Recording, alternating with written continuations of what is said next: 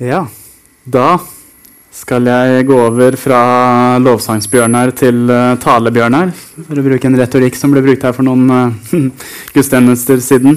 Det er en liten sånn lys feedback, men den uh, forsvinner sikkert etter hvert uh, som det skrus bak på miksebordet der, tenker jeg. I dag så skal vi lese en Bare si ifra hvis jeg skal bruke en annen mikk. Skal jeg gjøre det? Eller begynner det å bli greit? Ja, I dag skal jeg lese en ganske lang tekst. Um, vet du hva, jeg trenger ikke den her. Jeg kan bruke den andre.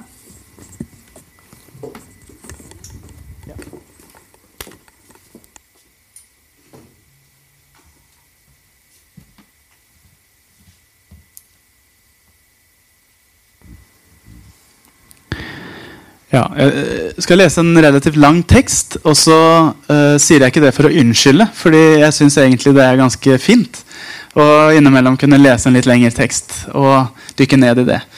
Det er ikke altfor mye. altså Vi leser ikke altfor lange stykker og altfor mye i Bibelen, uh, så uh, det syns jeg egentlig bare er fint. Og dette her er historien om når Lasarus dør. Og jeg kommer til å kommentere litt underveis mens jeg leser. Og så vil jeg at du skal sitte og, og leve deg litt inn i historien. Tenk hvordan det hadde vært å være der. Om du var en av disiplene, f.eks. Om du som gikk sammen med Jesus, kjente på de følelsene som lå i lufta. Um, ja, hvordan, hvordan kan det ha vært? Før vi leser, så skal vi ta litt om bakteppet. Vi vet at Lasarus og Martha og Maria var søsken og tydeligvis nære venner av Jesus. Vi møter Martha og Maria i en annen historie tidligere, hvor eh, Martha egentlig klager til Jesus om at Maria hun er jo ikke med og hjelper til. Jesus, Nå må du si til Maria, eh, fordi alt hun gjorde, var å bare sitte ved Jesu føtter og, og høre på han. Og så gir jo Jesus Maria helt rett i akkurat det hun gjør der. Uh, han sier at det er helt riktig. Hun har valgt det som er bra. Å sitte og ta imot, være sammen med meg, lære meg, leve med meg. Og før vi kommer inn i den historien som vi skal inn i nå, så har disse disse søstrene sendt bud på Jesus og fortalt at Lasarus, broren, han er fryktelig syk. De, tydeligvis, eh, de var tydelig, tydelig overbevist om at Jesus kunne gjøre noe med det. Han kunne gjøre Lasarus frisk. Men Jesus kommer ikke. Og i stedet så dør Lasarus. Hva i all verden? Og etter fire dager så dukker Jesus opp. Etter fire dager. Og da er liksom spørsmålet mitt ligger det noe bitterhet i lufta her. Vi, vi, vi, skjønner at det ligger selvfølgelig mye sorg i lufta og frustrasjon. Men ligger det også noe bitterhet mot Jesus her? Eh, og hva med Jesus sine følelser i den teksta? Ok, vi skal lese. Så kommer jeg til å gå litt ut av historien innimellom, og så får dere bare prøve å, å følge med så godt dere kan. I Jesu navn. Da Jesus kom fram, fikk han vite at Lasarus alt hadde ligget i fire dager i graven. Betania ligger like ved Jerusalem, omtrent 15 stadier fra byen. Og mange av jødene var kommet til Martha og Maria for å trøste dem i sorgen over broren. Da Martha hørte at Jesus kom, gikk hun for å møte ham. Maria ble sittende hjemme. Hm. Martha sa til Jesus, 'Herre, hadde du vært her, var ikke broren min død.' Men også nå vet jeg at alt det du ber Gud om, vil han gi deg. Så går jeg litt ut av teksta. Mulig Martha sier det her i frustrasjon. Altså, Hadde du vært der, Jesus, så hadde ikke det her skjedd. Men uansett så tenker jeg for en tro Martha har. Midt i det her forferdelige som har hendt, så, så er hun helt overbevist fortsatt om at Jesus er herre over død og liv. Hun er helt overbevist om at Jesus fortsatt kan gi livet tilbake til Lasarus. Leser videre. Din bror skal stå opp, sier Jesus. Jeg vet at han skal stå opp i oppstandelsen den siste dag, sier Martha.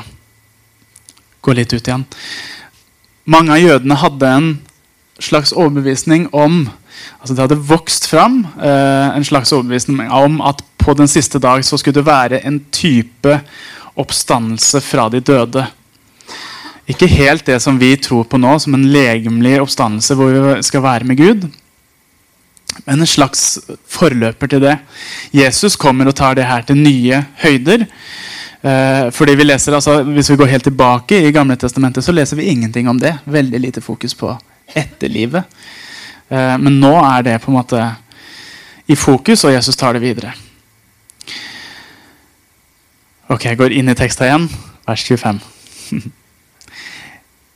Jesus sier til henne, 'Jeg er oppstandelsen og livet. Den som tror på meg, skal leve om han enn dør.' Og hver den som lever og tror på meg, skal aldri i evighet dø. Tror du dette? Ja, Herre, sier hun. Jeg tror at du er Messias, Guds sønn, han som skal komme til verden. Altså For et utsagn som Jesus kommer med her. Det er ganske sånn bold statement. Jeg er oppstandelsen og livet. Det er veldig veldig mye vi kunne sagt om akkurat, akkurat det der. Det evige livet, himmelen, det handler om et liv sammen med Jesus, som vi sang om. Derfor starter det evige livet nå. Når vi møter Jesus, så får vi livet. Paulus snakker mye om hvordan vi var døde, men i Jesus har vi fått et nytt liv. Et liv som aldri vil ta slutt. Um, et liv sammen med han, hvor alt skal være perfekt. Vi går videre inn i teksta igjen til Jesu møte med Maria, den andre søstera. Og Her er det også mye følelser. Da Martha hadde sagt dette, gikk hun og kalte i all stillhet på sin søster Maria og sa til henne, 'Mesteren er her og spør etter deg.' Da Maria hørte det, stod hun straks opp og gikk ut til ham. Jesus var ennå ikke kommet til landsbyen, eh, men var fremdeles der Martha hadde møtt ham. Jødene som var hjemme hos Maria for å trøste henne, så at hun brått reiste seg og gikk ut. De fulgte etter henne fordi de trodde hun ville gå til graven for å gråte der. Da Maria kom dit Jesus var, og fikk se han, kastet hun seg ned for føttene hans og sa, 'Herre, hadde du vært her, ville ikke broren min vært død.' Da Jesus så at både hun og alle jødene som fulgte henne, gråt, ble han opprørt og rystet i sitt innerste. Så gjentar jo akkurat det samme som søstera sa. ikke sant? Og, og, og, det er eh, selvfølgelig mye følelser her. Men jeg har fått fortalt det. At det ordet som, som det brukes her, altså det rystet i sitt innerste Det greske ordet her er det samme som når en hest pruster, har jeg lært at det heter. Jeg vet ikke om uh, dere vet hva jeg snakker om. Det er for meg å vise det. Når en hest gjør han. Det er det som skjer med Jesus. Han blir rystet i sitt innerste. Han pruster. Uh, og jeg hørte den utlegninga om hvorfor Jesus blir så ute av seg her. Og det er fordi han møter sin erkefiende. Vi har nettopp lest om Jesus som livet, men han møter her sin største fiende, nemlig døden. Og det får han til å liksom Altså Jesus blir sint, da. Rystet i sitt innerste. Døden. Um, Og vi vet at senere så skal Jesus overvinne denne fienden. altså Han skal dø på korset og stå opp igjen. Og overvinne døden for godt. Men det er likevel hans største fiende som han møter her. Og det ryster han i sitt innerste. Ok, Jeg leser videre. Han sa, «Eh, 'Hvor har dere lagt ham?' 'Herre, kom og se', sa de. Jesus gråt. 'Se hvor glad han var i ham', sa jødene. Men noen av dem sa, 'Kunne ikke han som åpnet øynene på den blinde, også ha hindret at denne mannen døde?' Jesus ble igjen opprørt og gikk bort til graven. Det var en hule, og det lå en stein foran åpningen. Jesus sa, 'Ta steinen bort'. Herre, sier Martha, den døde søster, det lukter alt av ham. Han har jo ligget i graven i fire dager. Jesus sier til henne, Sa jeg deg ikke at hvis du tror, skal du se Guds herlighet? Så tok de bort steinen. Jesus løftet blikket mot himmelen og sa, Far, jeg takker deg fordi du har hørt meg. Jeg vet at du alltid hører meg. Men jeg sier dette pga. alt folket som står omkring, så de skal tro at jeg, at du har sendt meg. Da han hadde sagt dette, ropte han høyt, 'Lasarus, kom ut!' Da kom den døde ut, med liksvøp rundt hender og føtter og med tørkle bundet over ansiktet. Jesus sa til dem, 'Løs ham og la ham gå.' Mange av jødene som var, tro, nei, som var kommet til Maria og hadde sett det Jesus gjorde, kom til tro på ham. Men noen gikk til fariseerne og fortalte hva han hadde gjort. Da uh, var vi gjennom teksten. Og jeg skal love at jeg er over halvveis i talen uh, nå. men det er noen poenger som vi må ta opp her, for det er masse fint. Maria og Martha er gode forbilder, tenker jeg. De er selvfølgelig i sorg, som alle ville vært. Og de er sikkert frustrerte på Jesus. Kanskje sinte. Jeg vet ikke. Og kanskje er de orda som, som, de kommer med, liksom ment som en anklagelse eller en klaging på, på Jesus. Uansett, tenker jeg, så viser det en enorm tillit til ham. Og hvorfor gjør de det? Jo, jeg tror de gjør det fordi de kjenner ham. De vet at han er til å stole på. De vet at han er god. De vet at han er eh, Gud og har all makt. Um,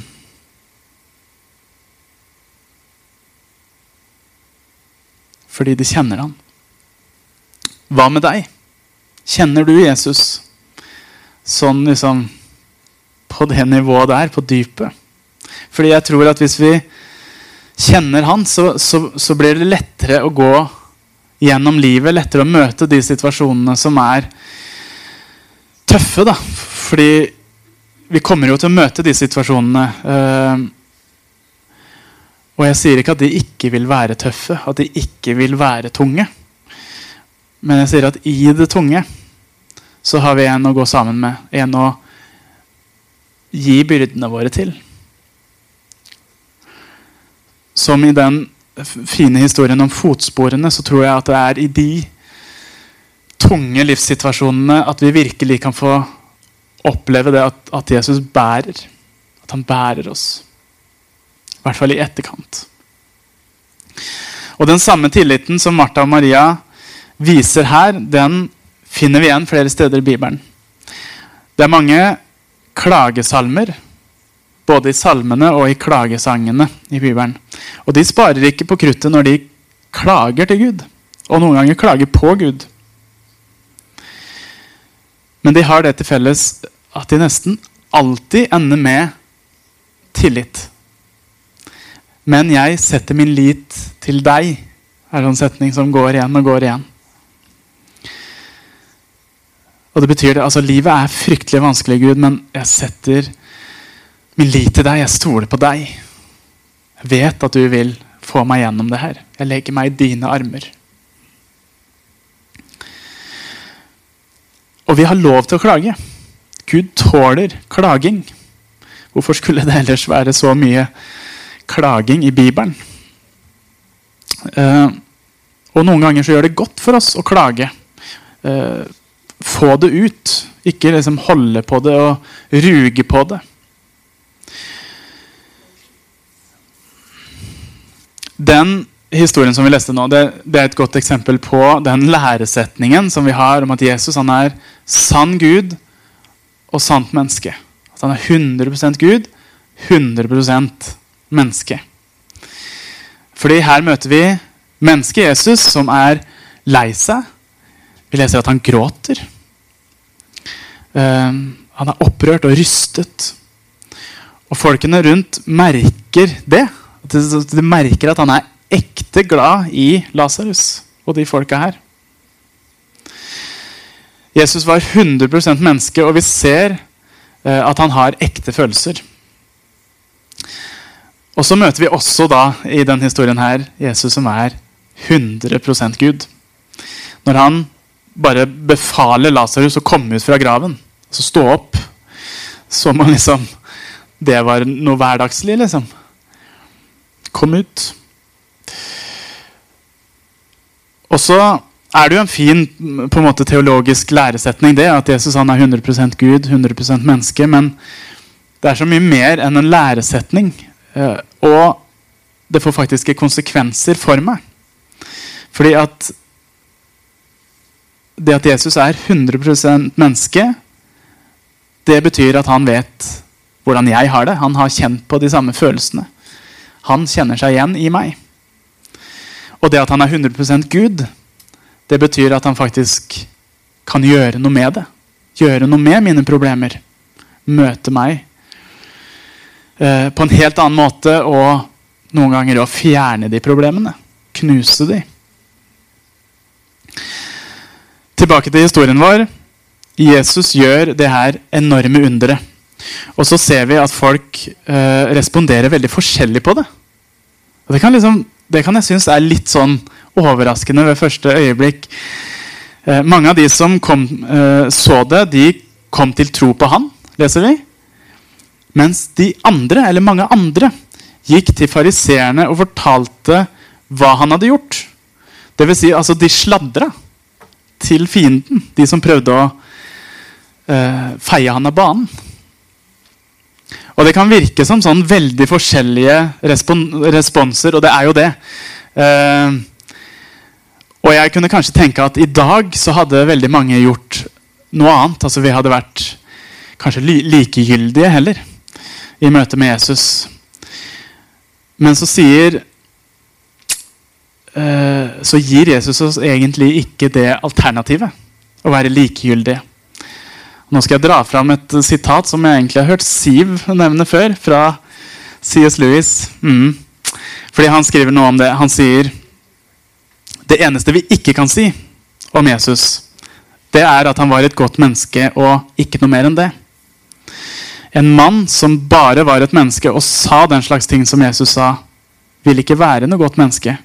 Enten ville han være sinnssyk på linje med den som tror at han er et bløtkokt egg. Eller han ville være en helvetes djevel. Vi må gjøre vårt valg. Enten var Jesus Guds sønn, eller så var han gal. Eller noe verre. Du kan slå han i hodet med at han var en idiot. Du kan spytte på ham og drepe ham. Eller du kan falle for hans føtter og kalle ham Herre og Gud. Hva velger du?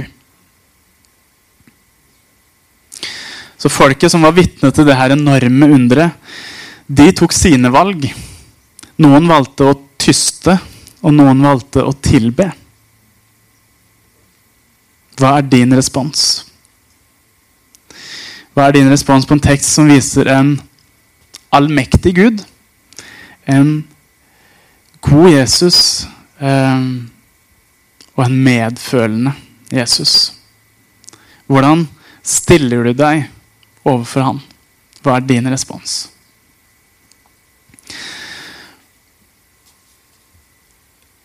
Jeg skal synge en sang nå som dere kan være med på hvis dere vil. Eh, eller dere kan bare være stille og så gi din respons til Gud. Sangen er en slags altså, Eller Alt til deg heter den. Og det, det er jo på en måte det hele sangen handler om. Vi gir alt til Han. Kommer med dem vi er, og så vet vi at Han tar imot oss.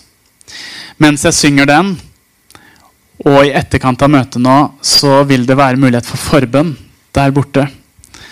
Eh, noen forberedere vil sitte der. Pastor Matthew vil også sitte der borte hvis dere ønsker å bli bedt for han. Eller av eh, Anthony der. Så ehm, jeg tenker når jeg starter å synge nå, så kan vi reise oss opp. Da er det alltid liksom litt lettere å bevege, bevege seg, for det kan være litt vanskelig og litt uh, skummelt.